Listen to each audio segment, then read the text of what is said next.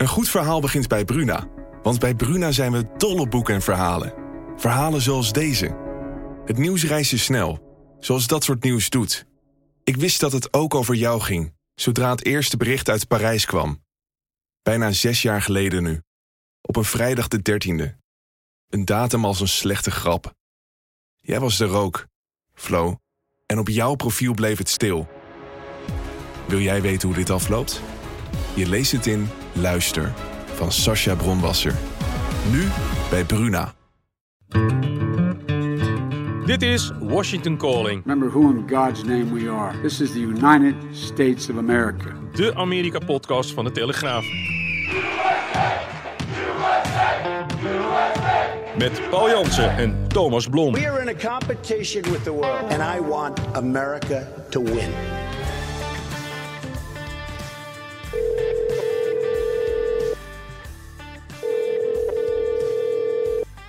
Goedemorgen, Paul. Hey, goedemorgen Thomas. Goedemorgen. Nou, we beginnen de podcast eigenlijk altijd vrij vrolijk. Maar dit, dit, dit, ditmaal eh, even over de schaduwzijde van het Amerikaanse leven. Eh, ik begreep dat je de schrik van je leven kreeg, eh, Paul. Ja, nogal, nogal. Even het kader schetsen. Ik heb twee kinderen zijn mee.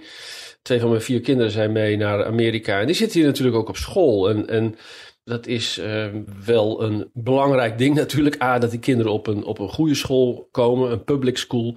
En dat die een beetje in een veilige buurt staat. Nou, het eerste wat ons opviel aan de school is de communicatie. Want je wordt hier werkelijk waar overspoeld met berichten. Er gaat bijna geen dag voorbij of er komen wel e-mails of sms-berichten. En het gaat, eh, in 9 van de 10 keer gaat het om muizenissen. Dus eh, een, een ingang die dicht is, of een eh, Spaanse les die verzet is, of een voetbalploeg die een coach zoekt. Nou, noem het maar op, maar ze blijven je bestoken met allerlei mededelingen waarvan je denkt van, joh, kan dat niet wat minder? Dus ik kreeg, eh, onlangs kreeg ik weer een, eh, een sms en dan zag ik alweer, nou dat is weer van school, dus het zal wel niks zijn. Tot mijn vrouw kort daarna eh, belde en die zei, ja, de school is een lockdown, want er is een gevaarlijke situatie. Nou ja, weet je Thomas, je schrik je kapot. Ja, We weten allebei wel dat uh, mass-shootings eh, hier aan de orde van de dag zijn. En niet zelden zijn scholen het doelwit. Dus ik dacht, oh nee, het zal toch niet ons overkomen. En mijn, mijn oudste zoon, op zijn school was het een high school. Dus eh, wij eh, de boel uh, nauwlettend volgen. En mijn, mijn vrouw was toevallig net naar, naar die school aan het rijden om mijn zoon op te halen. Dus die heeft meteen rechtsomkeerd gemaakt. Want ja, je gaat ook niet een soort sitting duck in je Nee. auto voor de ingang staan. eh, als daar een politieactie gaande is. Nou ja, gaandeweg werd er meer duidelijk eh, dat de gevaarlijke situatie gelukkig niet in de school was, maar in de buurt. Ja, niemand mocht de school in en niemand mocht de school uit. En dat, nou, na een half uur ongeveer eh, werd het eh sein gegeven dat eh, het weer veilig was. Maar de, schrik zat er wel, eh, wel goed in. En toen- Ja. ja, mijn zoon kwam thuis en die, die vertelde dat iedereen op de grond moest gaan liggen. En eh, dat er toch wel aan de kant van de docenten wat, wat paniek was. Maar in de klas werd er heel achterloos op gereageerd, zei hij. De kinderen in de klas eh, die waren gewoon eh, aan het babbelen over waar ze straks koffie zouden gaan drinken. dat is ook belangrijk. En, eh, eentje, eentje, eentje, een klasgenoot had tegen, tegen mijn zoon gezegd van ja, this is America. Ja. Zo van ja, dat gebeurt hier nou eenmaal. En ik moet zeggen, toen hij eh, in zijn eerste week naar school ging, kwam hij ook thuis en zei hij van ja, eh, we hebben allemaal drills, dus allemaal oefeningen voor noodsituaties. ja, dat kan ik me nog En- herinneren. dat je dat Ja. in, eh, de eerste keer ongeveer eh, vertelde. Ja, en dat was dus ook met een schutter in het schoolgebouw, een schutter buiten het schoolgebouw, met een aardbeving, met een bommelding en nou ja, orkanen, noem het allemaal maar op. Dus ze worden, ze worden voor eh, van alles en nog wat getraind hoe, ze, hoe ze moeten reage- reageren. Dus op zich is dat wel goed, alleen ja, het is van de gekken dat het nodig is in dit ruige land. Maar goed, achteraf was natuurlijk de vraag, ja, maar wat is er nou precies gebeurd? En we hebben het, het volgende kunnen eh, reconstrueren. Dat is dat er, eh, er waren op klaarlichte dag zijn er twee auto's gecarjacked. Daar hebben we het al vaker over gehad. Dat is hier echt een plaag. En nu was het in Georgetown. Dat is zeg maar een beetje de, de chique oude, Ja. eh, ik noem het maar de universiteitswijk bij Washington. Mooie plek. Erg mooie plek. Ja, mooie, prachtige plek. En daar zijn twee auto's gecarjacked en die, die waren op weg naar Bethesda, waar de school van mijn zoon staat. En eh, daar werden ze door een politie gesignaleerd en toen ontstond er een achtervolging. En een van die auto's, die, die is eh, vlak bij school beland. Daar zijn de, de inzittenden gevlucht en de andere is een wijk verderop gecrashed. Uiteindelijk bleek dat vijf, het ging om elf elf eh, inzittenden in totaal. En vijf daarvan die zaten op de school van mijn zoon. Ja. Er zijn vijf medeleerlingen die dus op klaarlichte dag tijdens de lunchpauze dachten van... Goh, weet je wat wij gaan doen? Wij gaan even een automobilist, of in dit geval twee automobilisten, een pistool op hun hoofd zetten. Want dat hebben ze gedaan. Dat is echt met een wapen dus ook echt nog gebeurd. Ja, dat ze hebben in, die, in de auto hebben ze twee BB-guns gevonden. Dat zijn zeg maar luchtdrukpistolen. Maar ja, als jij automobilist bent, kan je niet weten Nee. wat er precies in zit. Dus die hebben eh, tijdens de lunchpauze bedacht eh, om dat te gaan doen. En eh, ja, de politie die vreesde dat die daders het schoolgebouw in zouden vluchten. Omdat ze ja, vlak daarbij in de buurt eh, gestrand waren, om het maar zo te zeggen. En even voor jouw idee, van die vijf scholieren was er één 18 en de rest was minderjarig. Er zaten een paar 15 en 16-jarigen bij. Dat is dezelfde leeftijd als mijn zoon. Dus die zitten gewoon hetzelfde jaar. Ja. Kende die ze eigenlijk nog? Wist hij wie, wie er waren? Of was die school zo groot? Nee, ja, dit is een school van 3000 Oh, ja. leerlingen, mind you. Dat is echt, eh, dat is hier heel normaal. Maar in Nederland zou dat, is dat toch wel vrij fors. Maar het idiote was dat een dag later, via het lokale nieuws en via appgroepen van ouders, want ja, eh, iedereen was hier natuurlijk wel heel druk mee, Mhm. bleek dat vier van die minderjarige daders, die waren niet alleen weer gewoon vrijgelaten, maar die, die gingen ook weer naar school. Ja. En krijg je dat- geen ja, schorsing. Ja, kennelijk niet. Iedereen was vooral ook boos. En daar sloot ik me van harte bij aan. Dat de school in dit geval daarover zweeg. Want die school die je dus, hè, wat ik in het begin zei, elke dag overvoert met allerlei zaken. wat je allemaal niet als ouder eh, eh, zou moeten Mhm. weten. Wat op school gebeurt, nu het echt belangrijk was, gaven ze niet thuis. En dat werd dan als argument privacy Ja, dat, aangevoerd. eh, En een Nederlandse vriend hier, die hier al veel langer zei, die zei: Ja, je moet erop rekenen dat eh, alles wat er gecommuniceerd wordt in zo'n geval gaat eerst langs een eh, juridische afdeling van wat er allemaal wel en wat er niet mag. Maar het, is hier, eh, het bleef nog lang onrustig op, op de middelbare school, kan ik je Ja. vertellen. Want eh, ja, dit heeft er toch wel behoorlijk ingehakt. ja, dat. En bij je, bij je zoon, met zijn klasgenoten, praat hij er ook over. Vinden ze het allemaal gekken? Of vinden ze dat ook nog allemaal erbij horen? Ja, hij, hij schrok er natuurlijk wel van. Maar hij schrok vooral van de reactie van die klasgenoten. Ja. Die er totaal argeloos op reageerden. En hij had ook al verteld toen hij net op school begon. Hij zei, ja, er zit in mijn klas zit gewoon een jongen met een enkelband. En wat is dit? Ja. Weet je, dat is... En dan merk je dat je in Nederland, dat je toch wel wat beschermder... Hè, wij komen dan uit Leiden en dat het allemaal wat beschermd is. Maar het is op veel... Hè, je, je hoeft je in Nederland doorgaans niet geen zorgen te maken met je kind... of die, of die wel eh, veilig thuis komt. Eh, er zijn, er zijn natuurlijk ook uitzonderingen, maar dat is hier toch wat anders. Het is net zo met die carjacking, hè, dat is aan de orde van de dag hier. Als je hier s'avonds, s'avonds rijdt en je staat bij een stoplicht, dan, dan zit ik wel in mijn, in mijn spiegels te kijken, want er wordt ook voor gewaarschuwd, in mijn spiegels te kijken of er niet eh, van achteren een onverlaat aankomt. En ik zei laatst ook tegen mijn vrouw, ik zeg dat in Nederland heb- hoef ik daar niet eens aan te denken, Nee. want dat gebeurt gewoon Nee, nee, niet.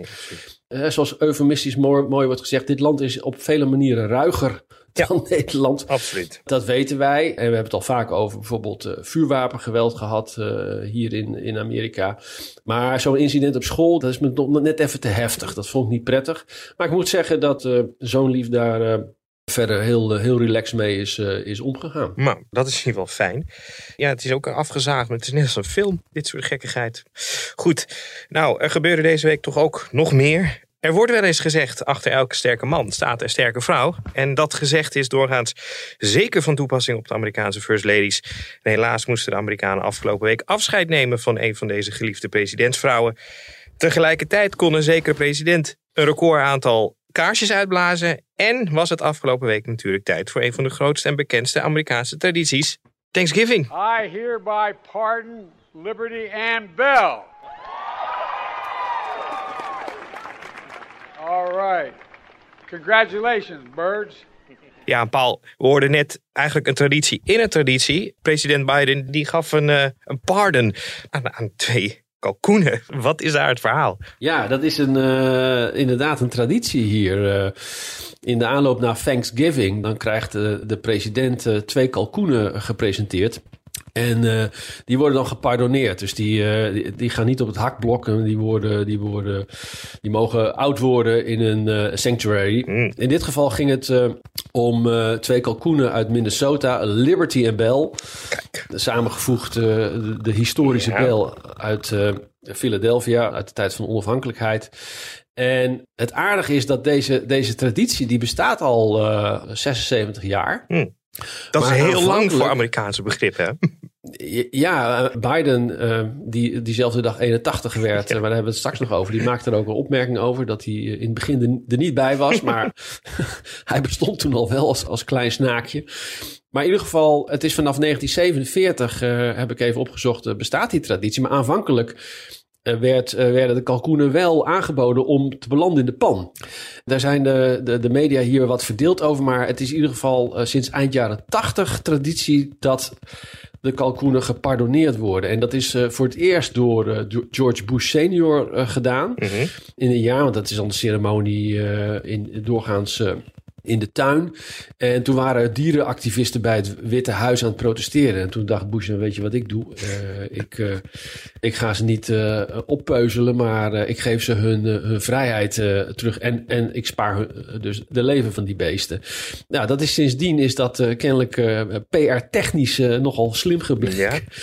Dus sindsdien uh, worden de kalkoenen aangeboden en vervolgens uh, gepardonneerd. En Paul, zijn dit nou gewone huistuin- en keukenkalkoenen? Of is er nog iets bijzonders aan deze beestjes?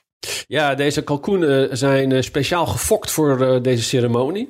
En ze zijn bijvoorbeeld blootgesteld aan muziek. Hm. Zodat ze rustig blijven tijdens de plechtigheid. Want er is natuurlijk een hoop druk eromheen. Allemaal media. De kalkoenen worden misschien ook nog wel gefouilleerd door de Secret Service, weet jij veel.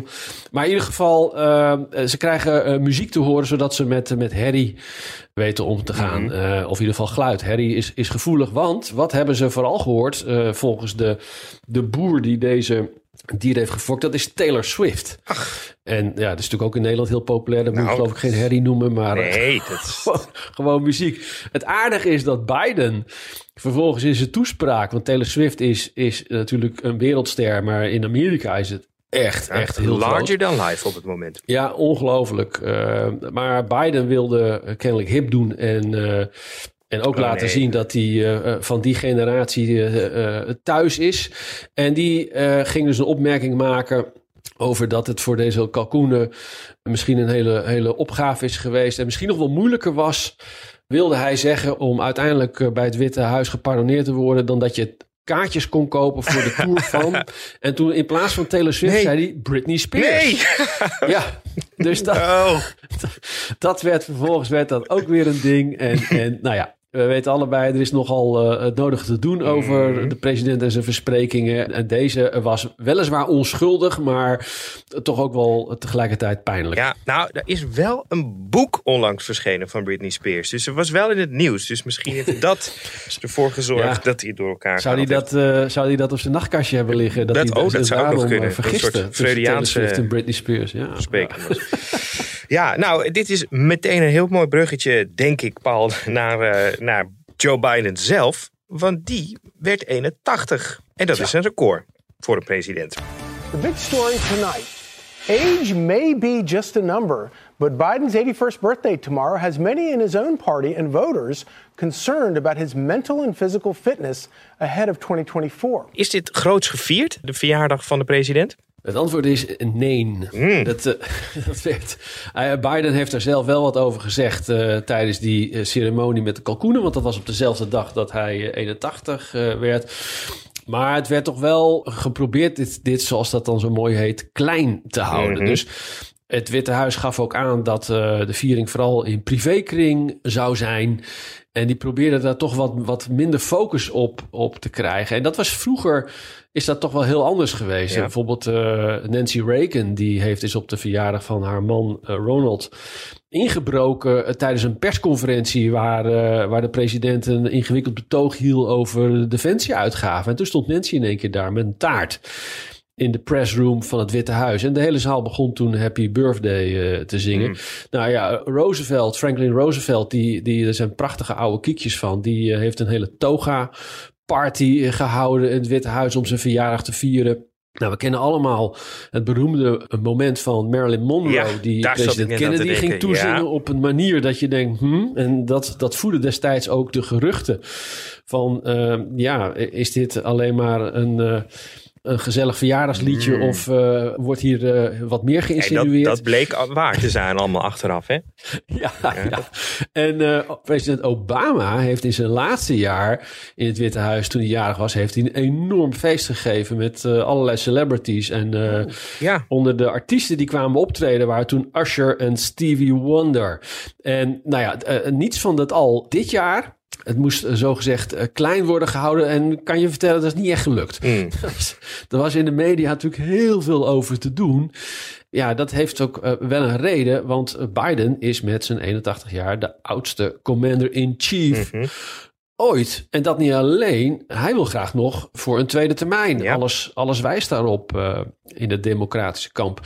Maar de kiezer die, die denkt daar anders over. Dit is inmiddels een, een grote, groot issue aan het worden in de VS. En uit peilingen waar inmiddels Biden... Er was weer een peiling deze week eh, waar Biden opnieuw 2% achter stond op Trump. Er zijn nu, eh, ik geloof, drie of vier peilingen geweest... waaruit blijkt dat Trump voorop gaat. Mhm. Maar er is ook een peiling eh, vorige maand gehouden waaruit bleek dat, hou je vast, 76% van de Amerikanen vindt Biden te oud voor Hmm. een tweede termijn. En dat is exact de reden waarom. En toen was hij nog Huis- 80. ja, toen was hij nog 80. Ja, ja, de tijd tikt onverbiddelijk eh, voort. Ja, luisteraars zullen misschien denken, ja, en Trump dan? Die is toch ook al 77? Dat is ook geen jonkje meer. Nee, dat klopt. En daarvan vindt 48% dat hij ook te oud is om nog eens een keer naar het Witte Huis te, te kunnen terugkeren. Ja. Dus voor Biden is dit, is dit een heel, heel grote zaak aan het, eh, aan het worden. En ehm, ja, dat, het ziet er allemaal niet, eh, niet heel florisant voor hem uit. En Biden zelf probeert daar altijd met een grapje onderuit te komen. Hè? Dat met, met, een- met een grapje eh, te agenderen. Of in ieder geval te vermelden dat hij toch wel op, op leeftijd is. Hij zei die, die maandag bij die ceremonie, zei hij van ja, ik ben, het valt niet mee om 60 te worden. Nou, ha. Maar hij heeft ook wel eens gezegd dat hij 180 was, weet je wel. Dus hij probeert er altijd een, een, met een kwinkslag een draai aan te geven. Maar dit is wel eh, echt, echt een ding wat de democraten kan gaan opbreken. En ze kunnen het ook niet wegpoetsen. Ja, met- op allerlei ge- politiek gebied kan je je nog proberen weg te glibberen... of een andere koers in te slaan. Maar zoiets als leeftijd is onverbiddelijk. Ja, en Paul, zie jij een, een verdeling in, in, in de linkse en rechtse media, hoe ze daarover berichten? Is iedereen er eigenlijk over eens dat het vrij oud is? Nee, dit is over de volle breedte wordt dit eh, vermeld. Je ziet wel dat het bij media zoals Fox News en de New York Post... dat het eh, daar wat frequenter en wat filijner en venijniger wordt gebracht. Maar over de volle breedte is dit een, eh, een, een issue in de media. Ja, en dat is, dat is natuurlijk ook wel logisch gezien de uitslag van de peilingen. Dat dit zo breed leeft in, Ja. de, in de bevolking. We hebben het de vorige keer al over gehad hoe de Democraten met Biden een fuik inzwemmen. waar ze eigenlijk straks niet meer, Nee. niet meer uit kunnen. Terwijl ze weten dat. dat dat leeftijd zo belangrijk is als al een, groot deel van de kiezers zegt... ja, hij, eh, hij is te oud om nog op te gaan voor een tweede termijn. En dan ben je nog niet eens bij de politieke discussie beland. En dan heeft een, heeft een aanzienlijk deel van de kiezers eh, heeft hem al afgeschreven. Ja. Dat is, eh, weet je, senioriteit is vaak een, een pre. en, en daar kan je ook nog wel wat aan rekken. Ronald Reagan heeft ooit in de campagne heel slim daar een punt van gemaakt. En toen werd er ook al gesproken van ja, ehm, is Reagan niet te oud? En die was toen eh, begin 70. En die heeft toen eh, de uitspraak gedaan van dat hij eh, beloofde dat hij van zijn leeftijd geen punt zal maken in de campagne om de onervarenheid van zijn Ja. tegenstander aan, aan te duiden. En dat was heel slim een draai geven aan iets wat potentieel een, een risico zou kunnen zijn, een stemhokje, namelijk je leeftijd. Maar als je in de 80 bent, ja, dan kan je daar eigenlijk geen draai meer aan geven. Nee. Omdat het, ja, je bent hoogbejaard. Ja. En dat is, Absoluut. ik vind het, er wordt bijna alleen nog maar negatief over bericht. En ik snap dat, want het gaat om de commander-in-chief. Het is een loodzware baan. Aan de andere kant, ik neem een petje ook wel af voor die Biden. Dat hij met 81 nog, nog deze baan heeft. Hè? Hoe, is die, hoe die laatste even naar het Midden-Oosten vliegt. Mhm. En dan meteen terug en dan naar het volgende. En naar de APEC. Nou, die APEC was dan weliswaar in eigen land, in, in- aan de westkust. Maar die agenda Toch ook weer vier uur eh, tijdsverschil tussen. ja, en heel veel, heel veel zien wij niet eens van wat, wat die agenda van zo'n president zit, zit bomvol. Ik sprak, eh, eh, vorige week was ik op een, op een bal in New York van de Netherlands America Foundation. Dat is een Nederlands-Amerikaanse stichting die, uh, die bijvoorbeeld uh, beurzen geeft aan studenten om in Amerika te gaan studeren. Die hebben één keer in het jaar hebben ze zo'n fundraiser bal. En daar sprak ik de, de Nederlandse ambassadeur uh, die deze zomer ook in Washington is geland. En zij vertelde, Brigitte Tazelaar, zij vertelde dat ze met haar, haar man in het Witte Huis werd ontvangen. Want ja, in Nederland hebben we de koning voor de geloofsbrieven. Mm -hmm. Maar dit is natuurlijk een republiek. Dus zij werd in het, uh, in het Witte Huis ontvangen in de Oval Office door Biden. Nou, ze vertelde dat hij heel belangstellend was en nog een compliment maakte aan haar man, omdat hij er zo fit uitzag. Ook wel interessant. Biden let daar kennelijk op. Ja. En ze zei, nou, die, het duurde maar vijf minuten, uh, al met al. Maar er werd wel even persoonlijk uh, tijd gemaakt voor de ambassadeur. En dan denk ik, ja, je moest eens weten hoe, hoeveel ambassadeurs van buitenlandse landen mogendheden er zijn in de VS, die dus allemaal langs mogen komen. Ja, dit doet hij aan de lopende band. Waarschijnlijk. Ja, dus ja, dat, is maar, dat is maar één aspect ja. van de agenda van de, de president van Amerika, die wij dus helemaal niet zien. Maar die man wordt geleefd. En dan 81 jaar en dan nog zo'n baan, zo'n agenda. Ja, ik vind het verbazingwekkend dat hij het überhaupt nog kan. Maar je vraagt je soms wel af, waarom wil je dat nog? Ja, en, en dan nog eens voor more years. Heel waarschijnlijk willen. We blijven in de hoek van de presidenten, Paul. Want de Amerikanen, ja, die, die namen afscheid. Of, of tenminste, ze ontviel de Amerikanen. De First Lady, de vrouw van Jimmy Carter. We have some sad news to report to you. Former First Lady Rosalind Carter has passed away at the age of 96. The Carter Center confirming her death just a few moments ago. Was zij geliefd, Paul? Ja, dat zie je. Kijk, het, oh, ze zeggen over de doden niets dan slecht. Hè? Dus je krijgt uh, allerlei necro's na het overlijden mm -hmm. van de First Lady. 96 jaar. Ze was First Lady van uh, 1977 tot 1981. Dus dan krijg je die necro. Necro's die zijn, uh, die zijn vaak ja, die zijn vaak uh, optimistisch en positief van toon. Mm -hmm. uh, aardig zou je het kunnen zeggen. En in haar geval zeker. Zij heeft zich heel, heel erg ingezet. Dat kom ik in die verhalen terug voor de geestelijke gezondheidszorg. Voor humaniteit. En uh, ja, daar werd ze, ik denk ook wel terecht, werd ze daarvoor geprezen. Maar wat je, wat je wel wat minder terugzag in de verhalen is dat Rosalind Carter eigenlijk de drijvende kracht, misschien wel de stille kracht was achter president Jimmy Carter, mm -hmm. die inmiddels 99 uh, is. En niet alleen was zij in, in campagnes heel actief, maar ook tijdens zijn presidentschap. En je moet je voorstellen, um, Rosalind Carter was de eerste die een eigen kantoor kreeg in het Witte Huis. Nou, dan kan je nog denken, nou ja, oké, okay, zo so wat. Maar zij zat bijvoorbeeld ook bij kabinetsvergaderingen, waar ze overigens nooit wat zei. Maar ze maakte aantekeningen. Ze zei dan ja, dat doe ik zodat als ik in het land ben, dat ik antwoord kan geven op de vragen die ik allemaal krijg. Maar dat niet alleen. Zij zat bijvoorbeeld ook bij meetings van de uh, National Security Council. Dus bij het Veiligheidsberaad. Ja. Nou, dat is toch wel opmerkelijk te noemen. En dat had ja. zeker niet alleen te maken dat ze graag in het land op moeilijke vragen van journalisten en anderen dat ze wist uh, ja, dat ze van repliek kon dienen. Maar zij was, zij was de belangrijkste adviseur van president. Carter. Uh, zo bemoeide zij zich bijvoorbeeld met benoemingen. Zij heeft in haar memoires heeft zij, uh, geschreven: Ik was meer een politieke partner dan een partner van een politicus. Hmm. en zij is ook op reis gegaan namens de president. Bijvoorbeeld als gezant naar Latijns-Amerika, mm -hmm. waar ze sprak over mensenrechten, maar ook over kernwapens. Tot grote frustratie van een uh, Amerikaanse diplomaat destijds in Brazilië, die zich weinig diplomatiek uitliet over, over uh, die reis en zei: vrouwen zijn bedoeld om thuis te blijven. Nou, dan heb je ongeveer even het zagrijn te pakken van een uh, Amerikaanse diplomaat in die tijd, die ja, er toch niet van gediend was dat een first lady zo'n politieke rol. Nou ja, is het, maar het is aannam. een ongekozen functionaris dan eigenlijk. Hè?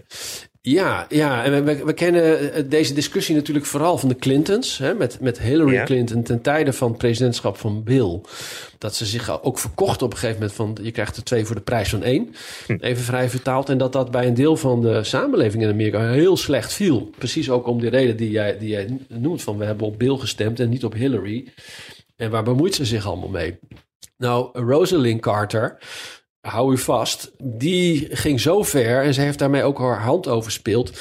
Dat natuurlijk, ja, eigenlijk is het presidentschap van Carter is geknakt door dat gijzeldrama Mhm. in Iran. Wat tegen het einde van zijn presidentschap speelde. En eh, ook een molensteen bleek in de campagne voor zijn herverkiezing, die die hij toen van Ronald Reagan verloor. Maar Rosalind heeft toen, eh, volgens de geschiedenisboeken, zonder dat eh, de president het wist, de broer van Jimmy Carter, Billy Carter, dat zijn wel allemaal mooie namen, gevraagd om contact te leggen in Libië. Want daar had eh, Billy Carter had daar een netwerk en Rosalind heeft dus Billy gevraagd om zijn contacten in Libië in te zetten om die gijzelaars vrij te krijgen. En ja, dat is toen echt een ding geworden. Waarom was dat eh, heel omstreden? Omdat op dat moment Billy Carter onder het vergrootglas van justitie lag vanwege zijn banden met Libië.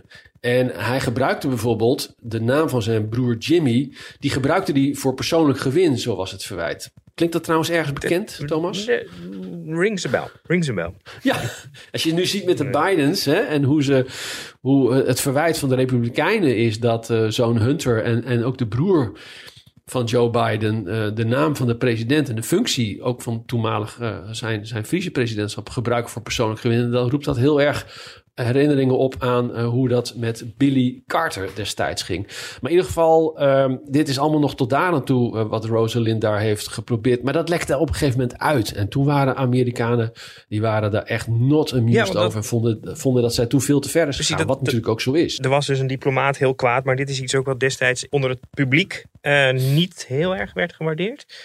Nee, dit is eh, voor Jimmy Carter is dit allemaal heel slecht eh, verlopen. Ja, en als je dan als first lady daar een bemoeienis in hebt gehad en het heeft niet tot succes geleid op dat moment, dan eh, heb je, is het slecht eh, kwaad eten met, eh, met de Amerikanen. Dus die hebben dit niet gewaardeerd. Waar overigens wel de vraag is, klopt het inderdaad dat Rosalind, zoals wordt gezegd, haar man Jimmy helemaal niet bij betrokken heeft toen zij haar zwager vroeg om die contacten met Libië aan te halen? Of is dit omdat het mislukt is, gemakshalve eh, gezegd van weet je wat, laten we de president Ja, buiten schot houden. Dat zou ook zomaar kunnen. Hè? Want er wordt altijd gezegd, eh Rosalind en Jimmy Carter twee handen op één buik. Ze hadden ook, elke week hadden ze een, een aparte lunch waarin ze politiek eh, bespraken. En dan zou je zeggen, ja, maar is toch niet zo gek voor man en vrouw? Nou, wel kennelijk als je president van Amerika bent, want dan heb je weinig tijd voor je partner.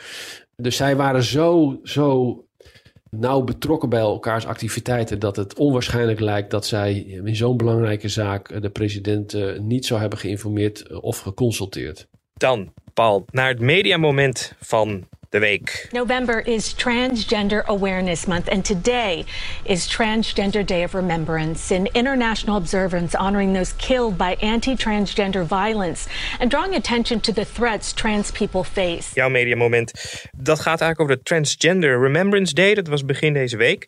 Paul, kan je daar wat meer over vertellen? Ja, de, de, Amerika is ook het land van de themadagen, zou ik willen zeggen. Het is eh, aan de lopende band. eh, in Nederland kennen we, zijn we natuurlijk ook bekend met heel veel themadagen. Maar hier wordt er ook serieus aandacht aan besteed. En, en eh, van de week was het dan eh, Transgender Herdenkingsdag. En dat zie je dan ook terug in de media. En het werd genoemd tijdens een persconferentie in het Witte Huis. En de- de perswoordvoerder zei daar... We grieve the 26 transgender Americans who were killed this year. En die ene zin, die... De basis daarvan was een bron van de Human Rights Campaign... die een eh, jaarlijks rapport maakt eh, over ja, het, het aantal moorden op transgenders... En eh, ja, daar zat een alarmerend persbericht bij dat er sprake was van een epidemie van geweld tegen transgenders. En dat, dat verhaal met name werd breed opgepakt in de media. Maar ja, er zijn er altijd weer anderen die natuurlijk daarin duiken. Zeggen, ja, hoe zit het dan? 26 moorden op transgenders. En als je dan kijkt naar de data, dan blijkt... eh, er zijn in Amerika eh 1,6 miljoen mensen die zich identificeren als, als transgender. Dat is een forse groep. Zeker. En als je daar 26 doden tegen afzet, dan kom je op een ratio van 1,625 per 100.000 eh, inwoners. Het moordratio gemiddeld in Amerika is ruim drie keer hoger. Dat ligt op 6,3 per 100.000. Aha, werd er dus meteen eh, uit, eh, uit rechtse hoek geconstateerd Kijk, het Witte Huis is, die gaat uh, hier uh, transgenders uh, op een podium zetten, terwijl de gemiddelde Amerikaan eerder aan de beurt is. Mhm. Nou, dat is natuurlijk een beetje appels met peren vergelijken, want we hebben het hier over hate crimes. Ja. Dus het gaat over, over haatmisdrijven. Dus ik ben dus in het rapport gedoken van die Human Rights Campaign, van waar die, waar die data nou vandaan komen. En interessant daar is dat als je dan kijkt, wat tellen zij mee in hun cijfers? Hoe komen ze aan die 26? Dan uh, worden daar ook uh, slachtoffers of, of mensen die zijn omgekomen tijdens bijvoorbeeld het plegen van een misdrijf meegeteld. Mm. Uh, roofoverval, inbraak of een confrontatie met politie. En er zijn dan weer anderen die hebben gekeken, ja, laten we dan eens die 26 moorden op transgenders, laten we dan eens kijken wat zit daar wat zit daar achter, achter die cijfers? Nou, dan blijkt er één murder-suicide te zijn. één is doodgeschoten tijdens een inbraak. één is doodgeschoten tijdens een schietpartij met de politie. Eén is uh, vermoord in de gevangenis waar hij zat voor moord. Eén is er omgekomen in een gevecht met een mes en een pistool waar geen motief bekend is. Nou ja, en zo zijn er nog meer te noemen. Dus je kreeg hier een hele discussie van ja, luister eens even. Als zelfs het Witte Huis aandacht besteedt en zegt: uh, We grieve the 26 transgender Americans who were killed this year. Niets voor niets gebruiken ze het woord killed. Dat is een, een neutrale term. Ze, het woord hate crime nemen ze daar niet in de mond. En daar is ook reden toe, want ja, die cijfers, dat is eigenlijk wordt daar alles op een hoop ja. geveegd. En het, de suggestie dat er dus 26 hate crimes zijn. En uh, dat er dus sprake is van een epidemie. Daar blijkt eigenlijk niet veel van te kloppen. Ik bedoel, elke hate crime is er één te veel. Hè? Absoluut. Daar wil ik niets aan afdoen. Maar je zag wel dat het frame, zoals dat door die uh, belangengroepering werd neergezet in het persbericht, dat dat eigenlijk klakkeloos werd ja. overgenomen. Nou, dat is natuurlijk ook wel wat belangengroeperingen een beetje doen. Ja, absoluut. Ik verwijt het de belangengroepering niet. Nee. Ik verwijt het de media dat ze de ja, context niet, niet schetsen. En ik, ik, ik herken dat ook wel. Want ja, iedereen, je ziet een persbericht en uh, uh, er is weinig tijd. En je wil de eerste zijn. En oh, de nou concurrentie ja, komt al. We hadden het er vorige is... week over, Paul. Ja? Gebeurde hetzelfde met de, de, de ontmoeting tussen Xi en, en Biden. Precies, ja. Dus altijd scherp blijven. Turn every page, zei Robert Caro, geloof ik grote journalist. Laten we hopen dat we deze niet snel op onze eigen neus terugkrijgen. Nee, want het over, overkomt iedereen. Maar ik vond, dit, ik vond dit toch wel weer ja, vrij stuitend. Precies. Oké, Paul, we zijn aan het eind gekomen van deze podcast. Maar niet voordat we nog even hebben gekeken wat we volgende week kunnen verwachten. Paul, wat, wat staat er op de agenda? Ja, heel interessant een debat tussen twee gouverneurs, die van California en Florida, Newsom en DeSantis. Dit is een, die hebben een langlopende vete. En um, ja, media, in dit geval Fox News, gaat een debat uitzenden tussen de twee die zijn overeengekomen om hun uh, langlopende uh, ruzie maar eens voor de camera uit te vechten. En waar gaat die ruzie dan precies over? Kevin Newsom die, uh, die verwijt de Santis dat hij met migranten solt en ook migranten naar, naar Californië stuurt. En zoals bekend komen er ook veel in, in Florida binnen.